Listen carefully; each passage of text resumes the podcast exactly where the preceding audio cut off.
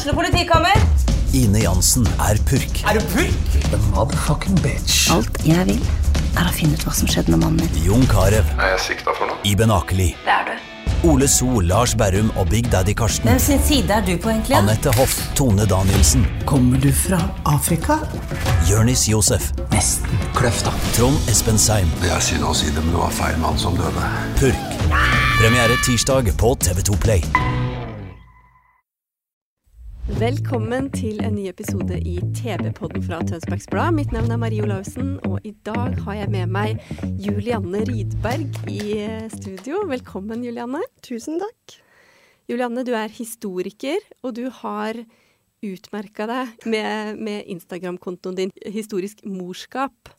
Hva er det? Og det, det, har en, eh, det har et bakteppe, alt sammen. Altså, jeg ble mamma for første gang i 2019. Og det ble ikke den gode opplevelsen som det egentlig skulle ha blitt, fordi jeg fikk ganske alvorlig fødselsdepresjon. Og oppdaga at det var vanskelig å bli tatt på alvor.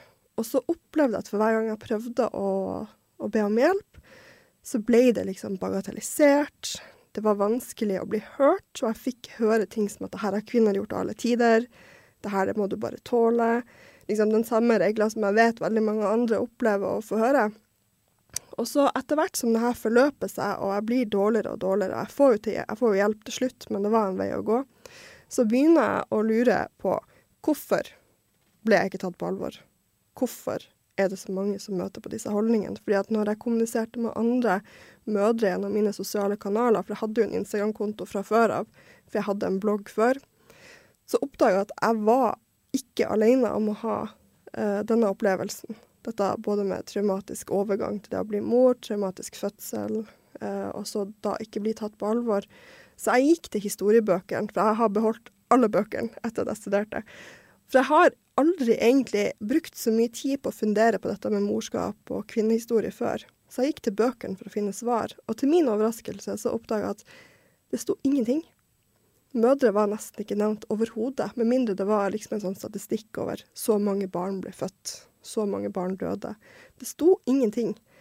Og så begynte jeg da å bestille mer bøker. Jeg begynte å grave i kvinnehistorie, jeg begynte å grave i fødselshistorie. Og så skjønte jeg det at det er en historisk arv her, som har blitt nedarva um, om holdninger til oss kvinner. Uh, det at vi skal bare tåle ting, for sånn har det alltid vært.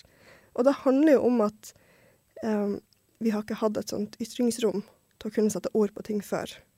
Eh, så når vi først sier noe, så blir det liksom flåsa bort. Eh, og, da, og da ble det liksom viktig for meg å prøve å gripe litt tak i det her. Så jeg brukte jo min fagkompetanse. Jeg har fordypa meg i hvordan å både skape og forebygge holdninger gjennom historiefaget. Så da, da fikk jeg den innfallsvinkelen på kvinnehistorie.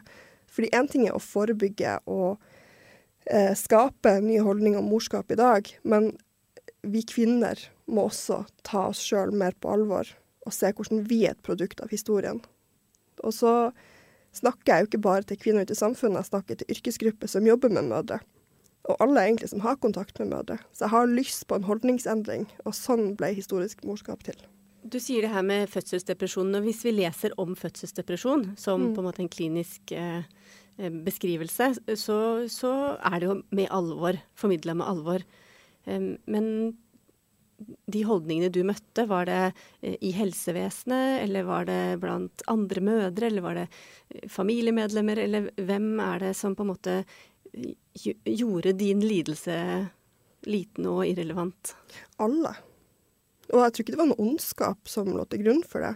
Det er bare det at vi har et sånt eh, veldig snevert bilde av hva det vil si å bli mor. Eh, det skal jo vondt å føde, det skal være slitsomt, du skal tæres på lite søvn. Og sånn har det bare alltid vært, og sånn må det bare fortsette å være, og det må du tåle å stå i. Og så viste det seg at når jeg begynte å grave i antropologien um, og det her var gammel forskning, men den har liksom ikke blitt fremma så veldig mye, så fant jeg jo da ut at dette overgangsritet fra kvinne til mor blir vanskeligere når vi har lite støtte.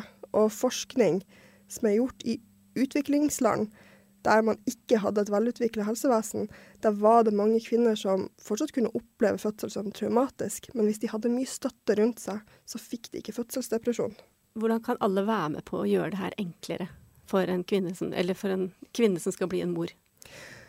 Og det er fryktelig mange ting man kan gjøre, så det kommer litt an på om vi snakker om helsevesenet eller vi snakker om liksom, nettverket rundt. La oss snakke mor. om begge deler. Ja. Skal vi begynne med nettverket? For Ja. det er mest sånn alle, Mm. alle vi, kan være nettverk.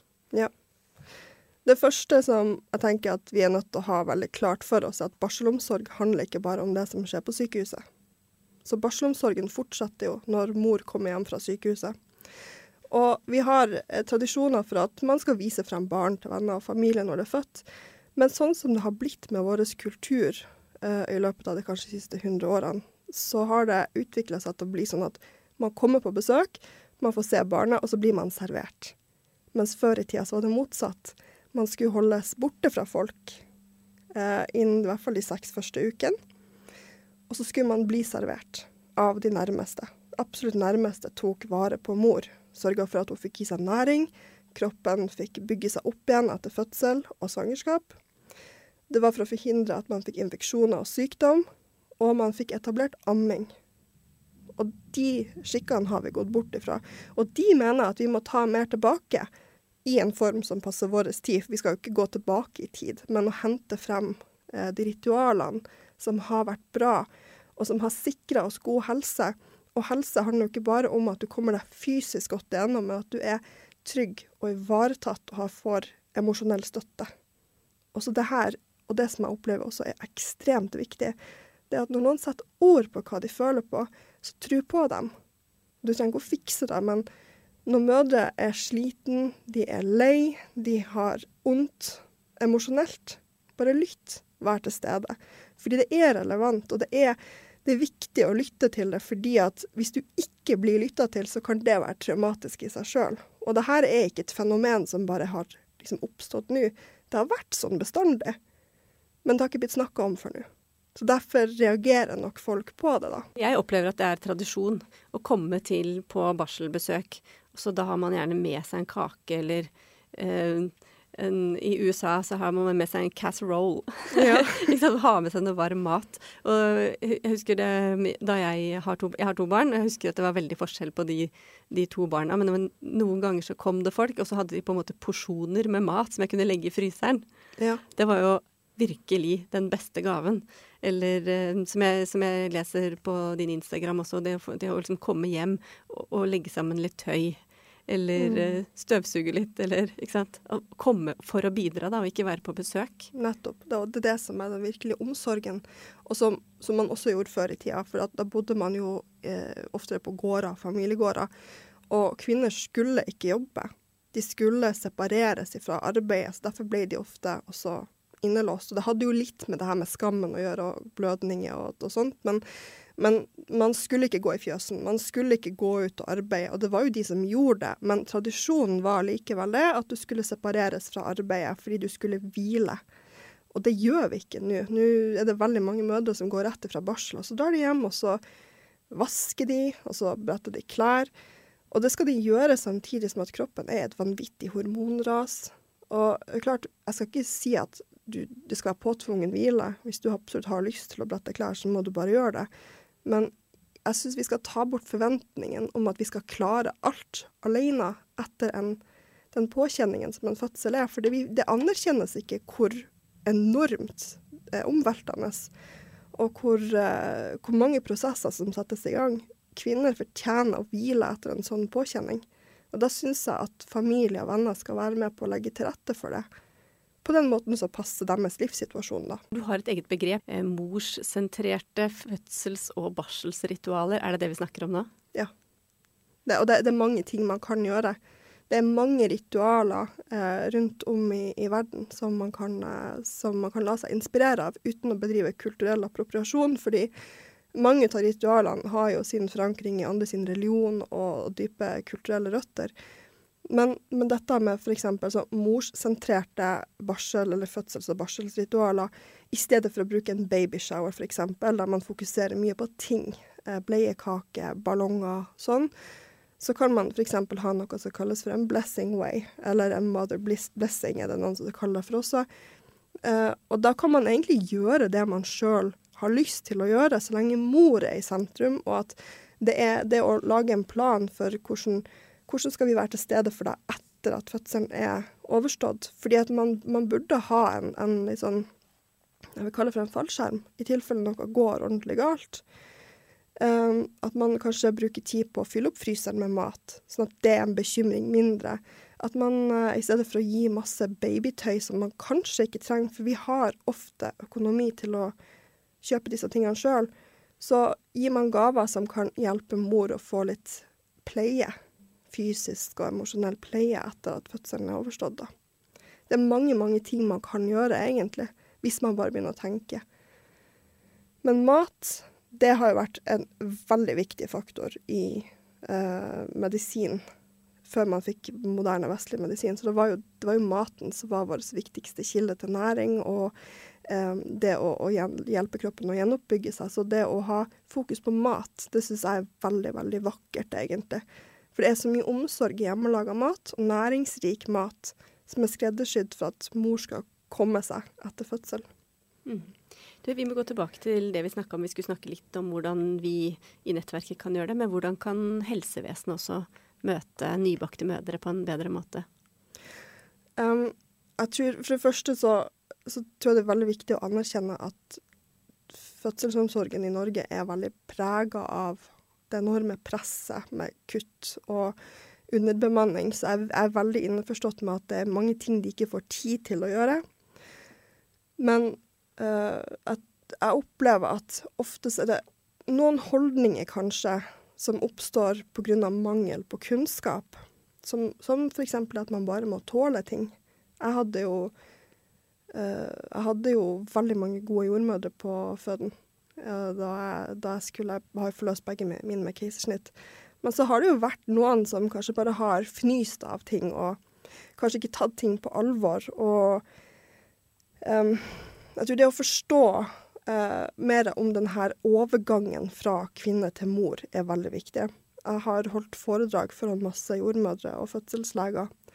Og det de oppdaga var nyttig, det var det å få denne ekstra dimensjonen til det de kan om de fysiske prosessene som skjer når du føder. Så fikk de den kulturelle biten som viste at OK, så det vi tenker, og det måten vi handler på, måten vi møter eh, fødende på, har faktisk noe å si for hvordan de opplever fødsel, eh, opplever barsel.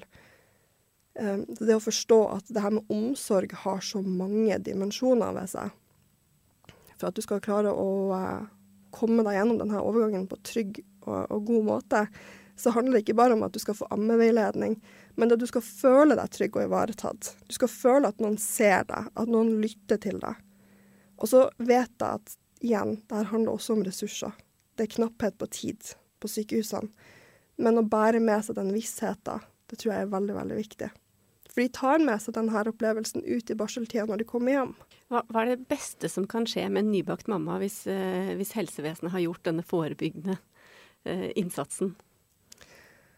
Og det beste som kan skje, er at eh, til tross for slit, for det skjer, altså det er slit å få barn, men det er hvordan du opplever å takle det slitet Eh, det er forskjell på å være sliten og det å være utslitt. Eh, og det å tæres. Eh, så beste, det beste utfallet av ordentlig forebygging, både på helsestasjonen, på sykehuset, det er jo at man får ordentlig tilknytning til barnet. Man får en god ammeopplevelse. Man får til å amme. Barnet vokser sånn som det skal. Man får en god tilknytning, og man reduserer risikoen for fødselsdepresjon betraktelig. Hvordan kom du deg selv ut av fødselsdepresjonen? Eller hvordan kan du fortelle litt om, litt om hvordan du opplevde det å ha en alvorlig fødselsdepresjon? Hvordan kjennes det, den hverdagen ut, og hvordan kom du deg ut av det? Det er det absolutt verste jeg har opplevd i hele mitt liv. Um, jeg, jeg har begynt å sammenligne det med tapet av faren min, for jeg mista faren min tre år før jeg fødte. Og det å få fødselsdepresjon opplevde jeg som verre. Jeg har mista fullstendig kontakten med meg sjøl. Uh, og det tror jeg er en følelse veldig mange kan kjenne på, fordi det er veldig identitetsopprivende å bli mamma. Fordi at du skal utvikle deg til å bli en ny person. Men det var det at jeg bare jeg mista all forståelse for hvem jeg er. Uh, hvordan, jeg skjønte ikke hvorfor jeg hadde det sånn som jeg hadde det. Og så får jeg den her fine lille gutten, og så føler jeg ingenting for han. Jeg føler ikke noe kjærlighet. Jeg vet, jeg ser jo hva han trenger. Jeg klarer å, å i hvert fall til dels amme han. Uh, jeg klarer å skjønne hva jeg skal gjøre hvis han gråter. Jeg bar han i sjal, men jeg følte ingen kjærlighet. Og jeg satt og lurte på når skal jeg begynne å bli glad i denne ungen. Og jo mindre søvn jeg fikk, for det ble mindre søvn jo dårligere jeg amma, uh, jo verre ble jo fødselsdepresjon. Så derfor jeg også sier jeg at søvn er ikke en luksus. Det er en nødvendighet. Og det fikk jeg også beskjed om da jeg kom inn i BUPA sped- og småbarnsteam. Søvn er den absolutt altså det første stedet du må starte for å bli frisk. Så vi måtte rett og slett dele oss opp. Mannen min tok seg av nattmatinga, så da måtte vi gå over til flaske på natta. Så at jeg kunne sove og være i stand til å ta meg av han på dagtid. Um, jeg opplevde at jo verre jeg fikk det, jo mer jeg støta han ifra meg. Jeg fikk aldri noen tanker om å skade han, men det skjer. Det skjer faktisk blant veldig mange som får fødselsdepresjon. Og hvis de får fødselspsykose, og én av tusen kvinner får det Det er, det her skjer på verdensbasis, det har skjedd i Norge òg kvinner kan ende opp med å ta livet av sine egne unger fordi de, de blir så virkelighets... Eh, altså desorientert, da. Og det er så lite kompetanse på dette. Uh, og jeg tror derfor jeg er så opptatt av å, å ta det på alvor. For jeg var på tur mot Altså ikke mot å skade ungen min, men å virkelig skade meg sjøl. Fordi du blir ordentlig, ordentlig sjuk. Og hverdagen er helt forferdelig å gå gjennom, og det føltes som et fengsel og et mareritt å bli mamma. Og sånn skal det ikke være i det hele tatt. Så jeg er veldig forkjemper for at vi må endre synet vi har på morskap, for jeg vil ikke at det her skal skje andre. Uh, og så er det veldig mange uh, godt voksne kvinner som sier at ja, men altså Det er bare sutring å snakke om det, det var ikke så mange fødselsdepresjoner før. Og det er, det er litt grunn til det, at det har blitt mer fødselsdepresjoner nå. Det handler jo om kutt i fødetilbud. det er handler om manglende oppfølging. Vi har mindre kultur for å ivareta kvinner. Men det er ikke sant at det ikke forekom før. Fordi kvinner ble sendt på asyl for det her før. Og det ble hysja ned. Det skulle ikke snakkes om. Så det er jo derfor vi ikke har hørt så mye om det. Og jeg har hatt ganske mange voksne kvinner fra alt fra 50, 60, 70 til og med nesten opp til 80 år, som har snakka med meg og sagt at de opplevde det samme da de fikk barn. Så det her har skjedd før. Men de har ikke tort å snakke om det pga. skam. Så det, er, det, her er en sånn nerve når det skjer. Måten vi blir mødre på, det blir værende hos oss resten av livet. Så hvis man ikke har hatt en dårlig opplevelse, så er det kanskje vanskelig å sette seg inn i. Men vi må bare ta det her på alvor, for det, det er en stor og viktig del av kvinnehelse. Og tar vi ikke det på alvor nå, så blir vi ikke noe mer tatt på alvor når vi blir gamle heller. Er det lett at mammapolitiet kommer når noen har eh, så dramatiske opplevelser som en ekte fødselsdepresjon? At det blir litt sånn ta deg sammen? Ja, jeg har ikke opplevd mammapolitiet så mye personlig, men uh, jeg vet veldig mange andre som har det. Jeg har jo sett det på nettet, og hvordan de, uh, man kan tillate seg å skrive til hverandre på nettet. Og jeg syns jo det er utrolig trist, fordi at de som mottar disse kommentarene, det blir jo veldig sårt. Men på den andre sida så ser jeg også på de som skriver det og tenker at det her handler jo om Altså det kan handle om mange ting, men jeg tenker at kanskje de sjøl ikke har blitt tatt på alvor når de har strevd med noe. Og så tror jeg det handler om det å ikke ha nok kunnskap, egentlig. At man, eh, man har litt lite gangsyn. Man sliter med å se at uh, ting kan oppleves forskjellig hos andre. Og så sa jeg Jeg sa vel her i høst, eller var det i sommer, at du har egentlig ikke knekt koden for noen andre enn deg sjøl. Og det er litt viktig å huske på at eh, hvis man sjøl føler at 'å, nå har jeg fått noe til, og det her mest, mestrer jeg skikkelig godt', det her funker for meg og mine unger Det funker for deg og dine unger. Det betyr ikke at det funker for alle andre. Eh, og så det her med å tro på andre når de prøver å sette ord på noe som er vanskelig, det er så viktig. For det her er det er de som kjenner seg sjøl best. De kjenner sitt eget liv best. Så i stedet for å fordømme det, så burde vi lytte til det og se det at vi har forskjellige opplevelser. Um, men jeg tror mammapolitiet kommer også av en del av vår historiske arv. der kvinner ikke har hatt noe ytringsrom ute i samfunnet. Så vi har liksom hatt en slags eh, hva skal jeg si, en sånn indre justis oss kvinner imellom. At vi bruker skam for å holde hverandre i sjakk, for å trykke hverandre ned. Jeg tror det henger litt igjen, faktisk. Men kvinner og skam i historien, hva finner du om det? Å, det er så mye skam. Og det, og det, og det lever jo i oss i beste velgående fortsatt. Altså, vi brenner ikke hekser på bålet i Norge lenger, men, men, vi, men vi, kan uh, likevel jakte hverandre ned med cancel culture og alt sånt her i, i sosiale medier. Men kvinner har Altså, skam har vært Jeg sier at det har vært rettesnora for å holde kvinner i sjakk bestandig. Det er snakk om i mange tusen år. Um, et eksempel som jeg kan trekke tilbake som bare er 50, litt over 50 år gammelt, det er jo det her med Som jeg også delte om på Instagram i dag. Det var jo måten man har behandla enslige mødre for. Uh, kanskje særlig etter etterkrigstida. Så ble seksualmoralen mye strengere. Um, fordi at vi skulle gjenreise landet. Husmoridealet ble mer glorifisert. Og, men seksualmoralen blant mange menn ble også dårligere, så de utnytta ganske mange kvinner. Kanskje lurte dem med giftermål, fikk dem til sengs, og så ble de gravide, og så stakk mannfolkene fra ansvaret. Så ble adoptert bort tre ganger så mange barn etter andre verdenskrig som på 30-tallet. Og det som skjedde, det var at staten, med Arbeiderpartiet i spissen, de bestemte seg for at det å adoptere barn bort var jo en veldig god policy. Så hvis du hadde en uønska graviditet så fikk du papirer eh, på eh, legekontoret som du skulle ta med deg på fødeklinikken. Og det var så mye fordømmelse at du fikk ikke noe god oppfølging. Du fikk ikke nødvendigvis smertelindring når du fødte. Og når du fødte barnet, så ble det gjort bak et forheng. Du fikk ikke vite om uh, det var en gutt eller jente. Barnet ble bare tatt fra deg og adoptert, og du visste ikke hvor det ble adoptert bort hen. Og det er en episode uh, ukjent arving på, uh, på NRK. Og så er det en, uh, jeg tror det er fra mitt lille land, en historie om ei mor som da ble alkoholisert. Hun på ukjent arving, hun ble psykisk syk. Um, og da tror jeg de, de, to episodene illustrerer så godt hvordan det her egentlig har fått lov til å befeste seg i helsa på kvinner. da, For de snakka jo ikke om dette i ettertid, for det var så skamfullt. Men de måtte gjøre det for å kunne få lov til å fungere i samfunnet og ha muligheter videre. Men så har de kanskje døyva traumene sine med alkoholisme. De har blitt mentalt ødelagt med årene. Fordi det er en ekstremt traumatisk opplevelse for kvinner å bli fratatt barna sine.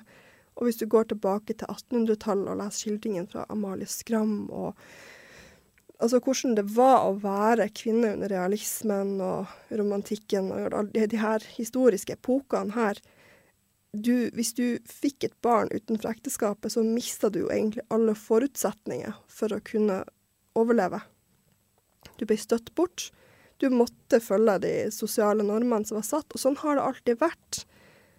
Så, og skammen har jo ikke bare vært sånn at folk har retta pekefingeren mot deg. De har sanksjonert sånn at du ikke har fått muligheten til å jobbe, et sted å bo. Det var ingen som ville gifte seg med deg, og da er det mange kvinner som har endt opp i prostitusjon. Noen har tatt livet av ungene sine for å slippe, eh, slippe, unna dette, eller adoptert bort, satt dem på barnehjem. Altså helt forferdelige skjebner. Og selv om vi ikke gjør disse tingene spesifikt, vi har rettigheter, så går holdninger fortsatt i arv. Og det må vi, særlig vi kvinner, bli bevisst på. Så mye av skammen som vi føler på i dag eh, jeg, jeg sier ofte at den er ikke din. Den er resultatet av menneskene som har levd før deg. Så jeg har litt lyst til at vi skal prøve å separere skylda vi legger på oss sjøl, og det som har blitt nedarva gjennom generasjonene før oss. Hvilke ting er det som er mest skambelagt? Hva er det vi kan på en måte føle skam for i dag? Jeg legger merke til at vi føler skam for det meste. Ingenting vi gjør er godt nok. Og det handler ikke bare om den, den skammen vi ilegger oss sjøl, men jeg ser på hvordan media omtaler mødre ofte, så er det aldri fordelaktig. Det er ingen altså, politikere, eh, samfunnsdebattanter Når mødre omtales, så er det det at man ikke strekker seg nok. Man gjør ikke nok. Eh, man må stille færre krav. Om det så er kravet om et bedre helsetilbud, så stiller vi for høye krav. Eh, når vi ville beholde mødrekvoter, så husker jeg en overskrift i Dagbladet det sto 'slapp av, fedre', mødrene skal ikke få ta fra dere pappapermisjon. Og og det blir aldri egentlig snakka om det bidrag, det voldsomme bidraget det er til samfunnsøkonomien at vi får barn. Og når jeg sier bidrag til samfunnsøkonomien, så handler det om eh, fremtidige skattebetalere. Amming eh, ble det jo lagt frem noen tall i fjor som til, sa at det tilsier 9 milliarder kroner i bruttonasjonalprodukt. At vi ammer fordi det har så gode effekter på folkehelsa. De aspektene med morskap blir ikke vektlagt. Og når det hele tida legges frem et bilde av at mødre aldri gjør nok for samfunnet. Vi gjør aldri nok for å altså, Da ender du opp med å vende skylda mot deg sjøl. Dette er holdninger vi skaper og vedlikeholder. Og det befester seg jo i måten vi lever livene på. Så når mødre har slitt seg ut ved å jobbe 100 de skal vedlikeholde husholdninga 100 ved siden av det, være mor, være sosial, eh, og huske på alle de småtingene som må, må gjøres hver dag. Mat, pakker, klesvask, alt dette. Og vi tæres til vi blir sjuke av det. Og så er det feil, det òg. Det er ikke rart at vi føler skam i livene våre. Men jeg syns ikke det er OK på noe som helst måte. Og det er ikke vår feil. Hvordan kan det endres? Det kan endres over tid. Jeg, jeg liker å være optimist, og jeg, jeg, jeg, mener at vi skal klare å få til en holdningsendring. Men det vil ta tid, og det krever at vi, eh, at vi kvinner sjøl blir bevisst på det narrativet som styrer oss. Men vi må ha masse mer kunnskap om morskap. Vi må ha masse mer kunnskap om det viktige bidraget vi også gjør. Og det handler ikke om å være i konkurranse med menn. Overhodet. Så jeg vet når vi snakker om kvinner, så har mennene tendens til å hive seg kanskje på og si men hva med oss? Det er ikke konkurranse. Så jeg vil bare fremme morskap som utrolig viktig for samfunnet. Og det må vi ha mer kunnskap. Og vi må prate mer om det også. Og vi må også trekke frem det kvinner gjør som bra, for en gangs skyld. Du bor på Skoppum nå, ja. Eh, og har kontor her i Tønsberg. Nå skal du bli historisk morskap-business. Ja. Det er det, det, og det kan jo være med å bidra til at dette budskapet når, når lenger. Hvordan, hvordan, gjør du det her? Jeg har etablert foredragsvirksomhet, så jeg blir jo hyra inn til foredrag hos organisasjoner, eh, på seminar og, og lignende. Og jeg vil jo veldig gjerne kunne holde foredrag på Altså, jeg har egentlig ikke noe begrensning på hvilken arena. Jeg vil gjerne kunne snakke med bedrifter, helsestasjoner vil jeg samarbeide med. Jeg kunne gjerne tenkt meg å samarbeide mer med jordmødre, med fødselsleger. Egentlig alle som har kontakt med mødre. Og det er ganske mange grupper, det. Uh, jeg, vil kunne, jeg vil kunne skrive mer om dette. Jeg vil uh, Ja, altså det her er jo ting jeg også gjør, da. Uh, og så har jeg denne, uh, det her online mødrefellesskapet som heter Morskapssirkelen. Og den, den, ideen ble jo til ved at jeg sjøl sleit med så mye med ensomhet, og at jeg brant inne med disse tingene og ikke fant noe svar. Så all den forskninga som jeg har gjort i løpet av de siste årene, med å lese historie, antropologi, har, i, har gjort masse undersøkelser blant mødre, det har jo blitt til et uh, online mødrefellesskap der man kan melde seg inn, og så får man tilgang på et bibliotek der man, man kan lese om disse prosessene. Og da samarbeider jeg med psykologer som kommer inn og har samtaler. Uh, jeg samarbeider med ammeekspert, jordmødre. Så vi får et helhetlig fokus på hva det vil si å bli en mor, i tillegg til at vi har et sosialt fellesskap der mødre finner hverandre, kan prate sammen, dele ting og vi har alltid fra de som er gravid nå, til de som er bestemødre og pensjonister. Så det er et veldig, veldig fint fellesskap. Og jeg brenner veldig for at mødre, kvinner, gjennom, altså på kryss og tvers av generasjoner må bli flinkere til å være der for hverandre. Fordi jeg tror det at ikke bare trenger vi mentorer som allerede har gått veien for oss, men de trenger også oss som er yngre, trenger, altså det er for mye, Vi er altfor aldersinndelt i samfunnet vårt i dag. Vi må omgås mye mer på kryss og tvers av generasjoner. Det høres ut som et trygt sted å være, og et bedre sted enn å google ting man lurer på som eh, mor, som jeg slutta med etter å ha vært gravid i var det, tolv uker. Da måtte jeg slutte å google. Ja. det var så skummelt, det mødre forteller hverandre i kommentarfeltet. det er mye bedre å ha et sted der man kan søke informasjon. Altså, eh, og det her, er jo ikke noe, det her erstatter jo ikke helsestasjon eller leger på noe som helst måte men at det gir en sånn ekstra Det gir et språk til de tingene som vi ikke hadde et språk til før, sånn som overgangsritet fra kvinne til mor. Eh, som, altså matressen, som det heter i antropologien, det er ikke bare det kulturelle, men det rommer alt som skjer. Så alt må ses i sammenheng med hverandre. Både det fysiske, hormonelle, det, det psykiske, men også hvordan samfunnet behandler oss, og hvordan vi forholder oss til samfunnet. Alt dette henger sammen. Så det er det helhetlige perspektivet som jeg prøver å belyse. Vi skal runde av der, eh, Julianne, og jeg vil eh, jo bare minne alle om at de kan følge deg på Instagram på Historisk morskap. Ja, hjertelig velkommen. Tusen takk for at uh, du kunne komme, og takk til deg som hørte på denne episoden. Mitt navn er Marie Olaussen, og vår ansvarlige redaktør er Sigmund Kydland. Velkommen tilbake til en ny episode i neste uke. Har du et enkeltpersonforetak eller en liten bedrift? Da er du sikkert lei av å høre meg snakke om hvor enkelt det er med kvitteringer og bilag i fiken, så vi eh, gir oss her, vi. Fordi vi liker enkelt. Fiken superenkelt regnskap.